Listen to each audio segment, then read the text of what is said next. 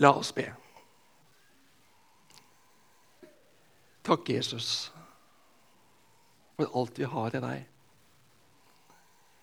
La oss få se det tydeligere, la oss få se det klarere. Leve i det, leve på det. Preges av deg og dine sannheter, din ånd. Du ser det som vi har gitt nå i kollekten. Må du velsigne det. Må det få evighetsbetydning for noen, Jesus. Amen. La oss stå mens vi hører evangelieteksten fra Johannes 2, vers 1-11. Den tredje dagen var det et bryllup i Kana i Galilea. Jesu mor var der. Også Jesus og disiplene hans var innbudt. Da vinen tok slutt, sa Jesu mor til ham, 'De har ikke mer vin.' 'Kvinne, hva vil du meg?' sa Jesus. 'Min time er ennå ikke kommet.' Men moren hans sa til tjenerne, 'Det han sier til dere, skal dere gjøre.' Det sto seks, seks vannkar av stein der, slike som brukes i jødenes renselsesskikker. Hvert av dem rommet to eller tre anker. Fyll karene med vann, sa Jesus til tjenerne. De fylte dem til randen. Øs nå opp og bær det til kjøkkenmesteren, sa han. Det gjorde de. Kjøkkenmesteren smakte på vannet. Det var blitt til vin. Han visste ikke hvor den var kommet fra, men tjenerne som hadde øst opp vannet, visste det. Da ropte han på brudgommen og sa, 'Alle andre setter først fram den gode vinen,' 'og når gjestene blir, blir beruset, kommer de med den dårlige.' 'Men du har spart den gode vinen til nå.' Dette var det første tegnet Jesus gjorde. Det var i Kana i Galilea. Han åpenbarte sin herlighet, og disiplene hans trodde på ham. Hellige Gud, hellige oss i sannheten. Ditt ord er sannhet. Amen. Vær så god, sitt.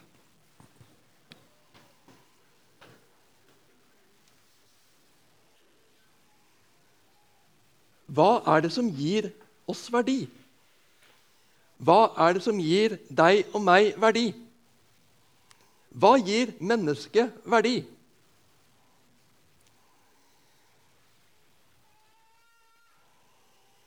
Min verdi handler den om hvor høyt opp jeg kommer på skattelistene, hvor mye jeg tjener, hvor god stilling jeg har, hvor fine ferier jeg har råd til. Handler min verdi om hvor stort og godt vennenettverk jeg har? Dette er ting som kommer høyt opp på lista i samfunnet vårt, av ting som gir livet status og verdi for mennesker. Vi har i hvert fall lett for å måle og sammenligne hverandre ut ifra slike kriterier. Min verdi og selvfølelse bygger jeg den på popularitet. Jeg skal tilstå det at jeg syns det er gøy med Facebook på bursdagen. Jeg hadde bursdag for en uke siden. Og Det er litt kleint å innrømme det, men det er jo gøy da, med alle hyggelige hilsener som kommer. Gratulasjoner. Noen korte og enkle meldinger. 'Gratulerer med dagen.' kort og godt. Andre med noen emojier eller bilder. Kanskje litt småflaue bilder. det jeg så. Det er litt flaut, men jeg skal innrømme at jeg tenkte hm, Får jeg like mange gratulasjoner i år som i fjor? Jeg liksom, Nei, Frank, du skal ikke tenke sånn! Arresterte meg idet jeg tenkte det. Men jeg tenkte det. lar jeg likes, folks kommentarer, tilbakemeldinger styre min opplevelse av min verdi. Gud tenker helt annerledes. Guds ord gir oss noe helt annet å bygge på, hvile i, ha vår forankring i. Hos Gud handler det ikke om å kave og streve og oppnå. Hos Gud handler det ikke om popularitet, men hva vi er, og på hvilket grunnlag vi er. Det var viktig for meg at vi skulle lese leseteksten i dag. For det minner meg på noe som jeg trenger å få prenta inn igjen og igjen. Det skuler så lett til andre steder, andre kilder, for verdi, for selvfølelse. Og Vi hørte det i den første leseteksten fra første Mosebok. Gud skapte mennesket i sitt bilde. Til mann og kvinne skapte han dem. Vår verdi ligger i at vi er skapt av Gud i hans bilde. Vårt menneskeverd ligger ikke i prestasjon, ligger ikke i noe vi skal oppnå, ligger ikke i popularitet, men i at vi er skapt av Gud, i hans bilde, til mann og kvinne. Ditt menneskeverd er gitt deg av Gud. Det kan ingen ta fra deg. Og det er ikke noe du skal gjøre for å oppnå din verdi. Din verdi starter ikke når du kan produsere noe. Og det slutter ikke om, om du ikke lenger kan produsere noe. Det er ikke noe vi oppnår. Din verdi har du ved å være deg selv. Din verdi har du ved å være til. Din verdi er. Den blir ikke. Den svinger ikke med følelsene. Din verdi er. Vi har verdi, vi har menneskeverd fordi vi er skapt av Gud i Hans bilde, villet av Gud, gitt liv og verdi av Gud. Hvordan er Gud, spør vi. Finnes det noen bilder av Gud? Gud har bare ett bilde, og det har han selv skapt seg. Det er ikke av tre og stein, det er ikke av sølv eller gull, men av kjøtt og blod. Det er mennesket. Orientalske konger hadde den skikk å plassere et bilde av seg selv som sin representant på et okkupert område. Slik markerte de at 'dette er mitt'. I den jødisk-kristne skapertro så er det ikke konger og keisere som er Guds bilde. Det er heller ikke en forherligelse av mannen, slik man lett kan tro når man leser verdenshistorien i et kjønnsperspektiv. De er to som sammen utgjør Guds bilde, mannen og kvinnen i et gjensidighetsforhold. Mennesket får ikke sin verdi gjennom å leve i en bestemt samlivsform. Overalt der mann og kvinne kompletterer hverandre, i menighet, i arbeid, i fellesskap. Der avspeiles Gud. Enhver mann og kvinne har en uendelig verdi som Guds representanter på jorden. Mann og kvinne er synlige uttrykk for at Gud er verdens herre, skapt i Guds bilde til mann og kvinne. Nå er vi i åpenbaringstida i kirkeåret. Jesus åpenbarer seg selv for oss. Vi blir kjent med Jesus, hvem han er. Og Det verste vi kan gjøre, det er å tenke at 'jeg kjenner jo Jesus', jeg vil lære noe annet. Da gjør vi oss ganske utilgjengelige for hva Gud, for hva Jesus vil vise oss av seg selv. Sist uke så hadde vi fellesmøtene her i Kristiansand. Det at vi er sammen som menigheter og forsamlinger i Kristiansand, det tror jeg kan være med og åpenbare noe viktig for byen vår. Vi er brødre og søstre. Vi hører sammen. Vi er ikke konkurrenter. Vi hører sammen. Vi har forskjellige uttrykk, vi har forskjellige stiler, forskjellige kulturer. Men jeg tror vi har godt av å utsette oss for dette iblant litt forskjellige kulturer, forskjellige måter å si ting på, gjøre ting på. Og ved det så kan Jesus få vise seg for oss på andre måter. Vise andre sider av seg selv og sitt ord. Det er godt og det er viktig å ha et sted vi hører til.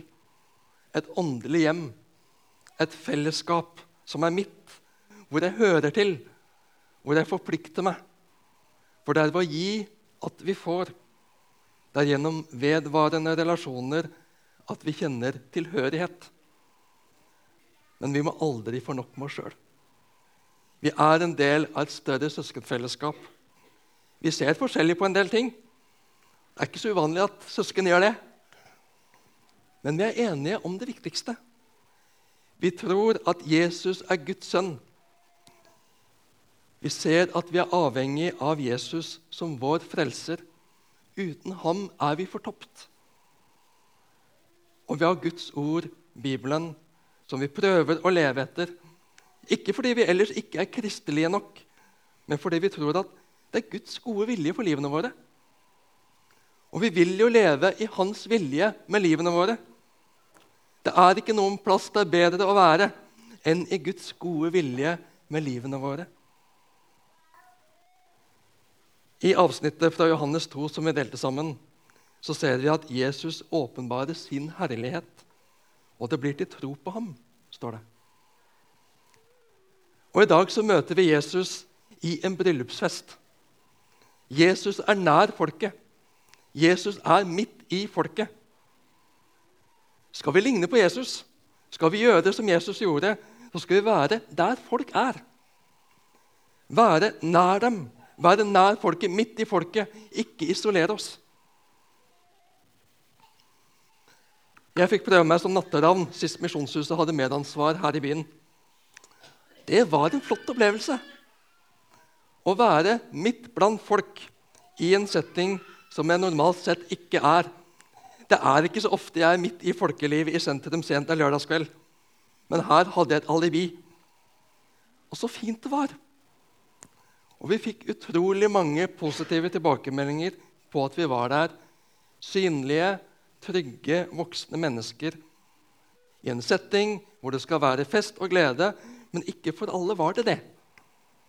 De trengte noen som så, som vernet, som var til stede. Herved anbefalt. Ta kontakt med Petter Håhjem eller meg etterpå om du har anledning til å være med 15. februar. Det hadde vært supert. Ikke gå glipp av den gleden. Å være nær folket, der livet leves. Jeg er stolt av at det skjer så mye flott innenfor veggene her i Misjonshuset gjennom uka. Her er mange aktiviteter og møtepunkter. Men vi må ikke aktivisere oss bort, så vi ikke har tid til å pleie relasjoner til folk som ikke er med i noen menighet ennå.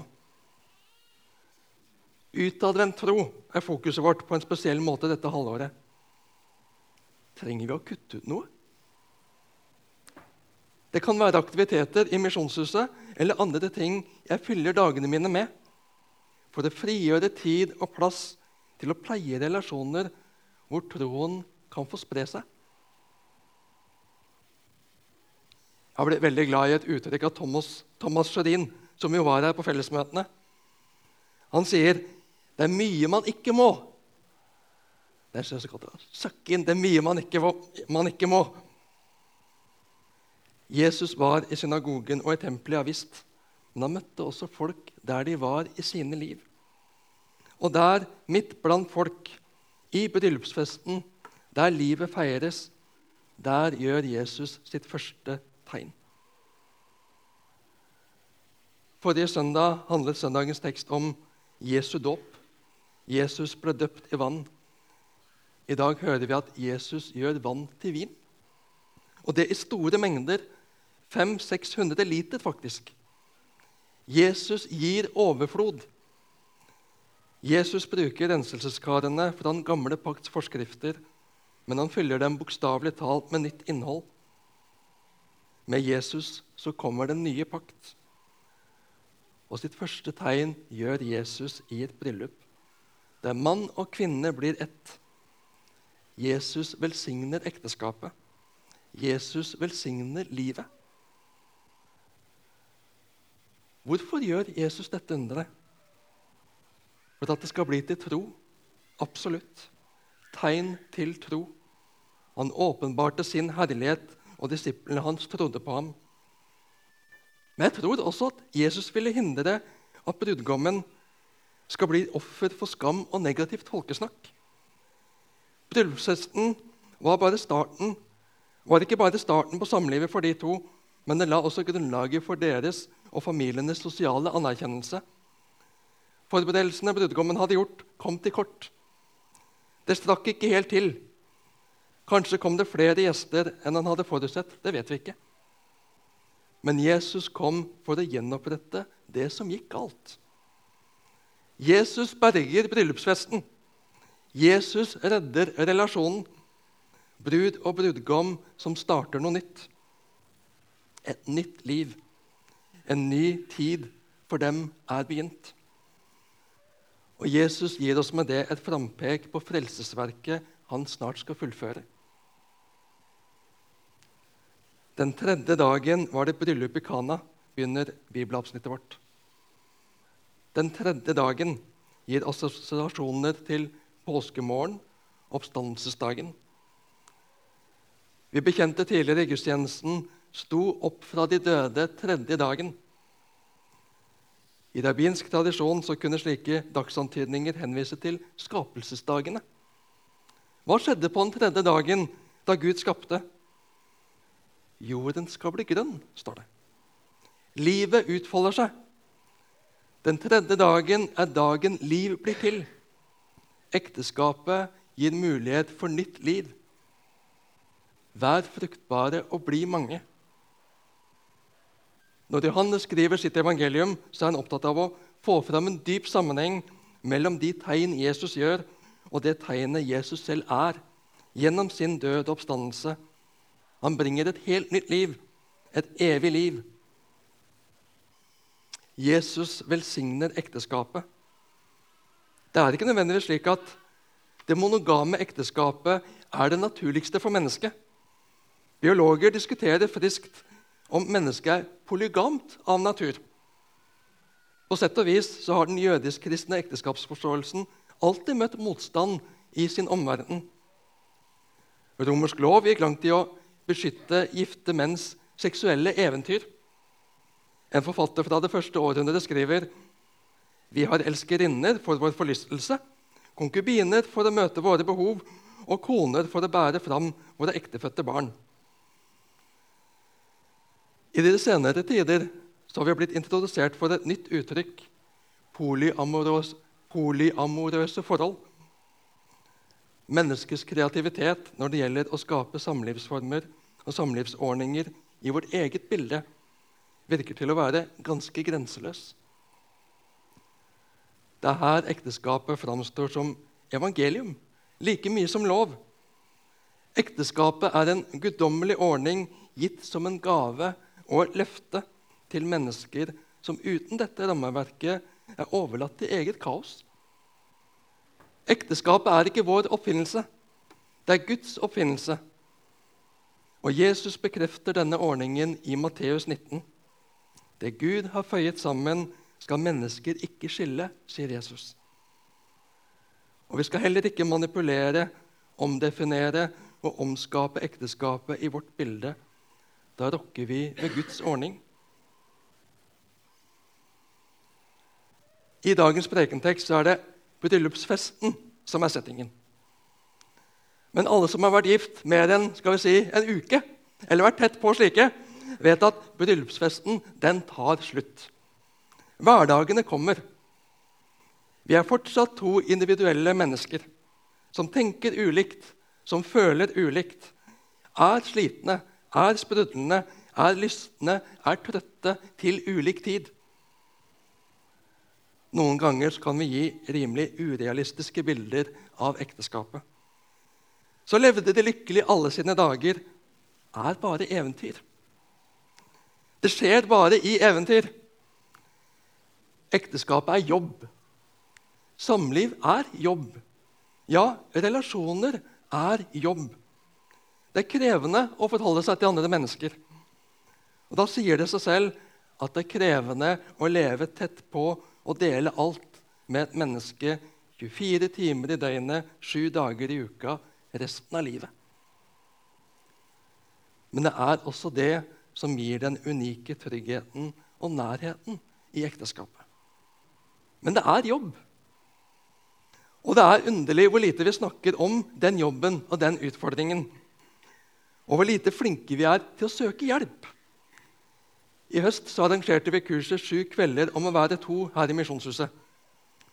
Og Denne helgen så arrangerer Ekteskapsdialog, hvor Siv og jeg har engasjert oss etter å ha fått stor hjelp, ekteskapskurs i Stavanger. Og Vi skal være med og holde Ekteskapsviken på Strand hotell Fevik i Grimstad 27. til 29. mars. Dagens snikreklame. Da er bekjent det. Vi går på ulike kompetansehevende kurs. Vi tar helsesjekk. Vi har EU-kontroll på bilen annethvert år. Hvor mye investerer vi i ekteskapet? Det er hjelp å få. Det ville være feil å si at vi ikke krangler mer etter å ha vært på ekteskapskurs. Men vi har fått en mye bedre kommunikasjon og forståelse av og for hverandre etter ekteskapskurset. Det er vi utrolig takknemlige for. Derfor anbefaler vi sterkt ekteskapsdialog. Vi har vært innom hvordan Gud skapte livet, mann og kvinne. Den scenen som møter oss i andre enden av Bibelen, er den nye himmel og den nye jord, og tegnet for dette er det nye Jerusalem som er pyntet som en brud for sin brudgom. Guds menighet, alt Guds folk på jorden til alle tider, er bruden som blir ført fram for sin brudgom Kristus. Gang på gang gjennom Bibelen brukes ekteskapet mellom mann og kvinne som analogi for fellesskapet mellom Gud og mennesker. Vi har sett det i gudbildeligheten, og vi møter det i lignelsen om Kristus som brudgommen. Og det toppes i Bibelens siste bok, der ekteskapet brukes som symbol på selve fullendelsen, nyskapelsen, evigheten. Ekteskapet mellom mann og kvinne blir selve symbolet på Guds godhet i skaperverket og hans hensikt for en ny himmel og en ny jord, skriver N.T. Wright. Gud har definert ekteskapet, og det er ikke gitt oss å omdefinere det. Når det er sagt, så er det også viktig å si én ting til, samme hvor selvsagt det høres ut. Jeg sa det innledningsvis, men jeg vil gjenta det nå. Det er ikke slik at en må være gift for å ha et fullverdig liv. Av og til kan vi snakke slik om ekteskapet at det er inntrykket som noen sitter igjen med. Din verdi ligger i at du er skapt i Guds bilde, til mann eller kvinne. Sammen utgjør vi Guds bilde. I fellesskapet, i menigheten, i samfunnet. Seksualiteten er gitt oss av Gud, men det er ikke i tråd med Guds ord at en må ha et aktivt seksualliv for å ha et fullverdig liv, slik media kan gi inntrykk av. Samtidig som Guds ord løftet opp ekteskapet mellom mann og kvinne, så løftet Guds ord opp også, også opp det å være avholdende. At det gir rom for å tjene og leve nær Gud på en annen måte enn om en er gift. Så er det viktig at vi som menighet, som fellesskap, at vi gjør det samme. At vi løfter opp både den gifte og den enslige stand. At vi inkluderer alle mennesker i våre fellesskap. At vi ikke bare er en menighet for barnefamilier eller bare for eldre. Ikke bare for gifte eller enslige, men sammen. Som Guds menn og kvinner, Guds barn, hører vi sammen. Guds menn og kvinner viser, som Guds menn og kvinner viser vi Guds bilde, at Gud er verdens herre. Det går mot den tredje dag, oppstandelsesdagen livets dag, det evige liv. Livet som ingen ende skal ta. Livet uten skygger eller mørke bølgedaler. Det er perspektivet Gud gir oss. Ikke som en virkelighetsflukt, ikke som en flukt fra hverdagens trivialiteter. Ikke som en flukt fra å være i livet, være der folk er. Men nettopp være der. Se og møte mennesker med et evighetsperspektiv. Gud elsker det mennesket. Gud elsker de menneskene. Han vil berge dem fra fortapelsen til et evig liv. Fra meningsløshet til en meningsfull relasjon med far sjøl. Fra jaget om å prestere for å oppnå verdi til et liv i frihet og trygghet, og at jeg har min verdi i å være skapt av Gud, i hans bilde, til liv i hans nærhet, gjennom Jesus. Dette var det første tegnet Jesus gjorde. Det var i Kana i Galilea. Han åpenbarte sin herlighet, og disiplene hans trodde på ham. Amen.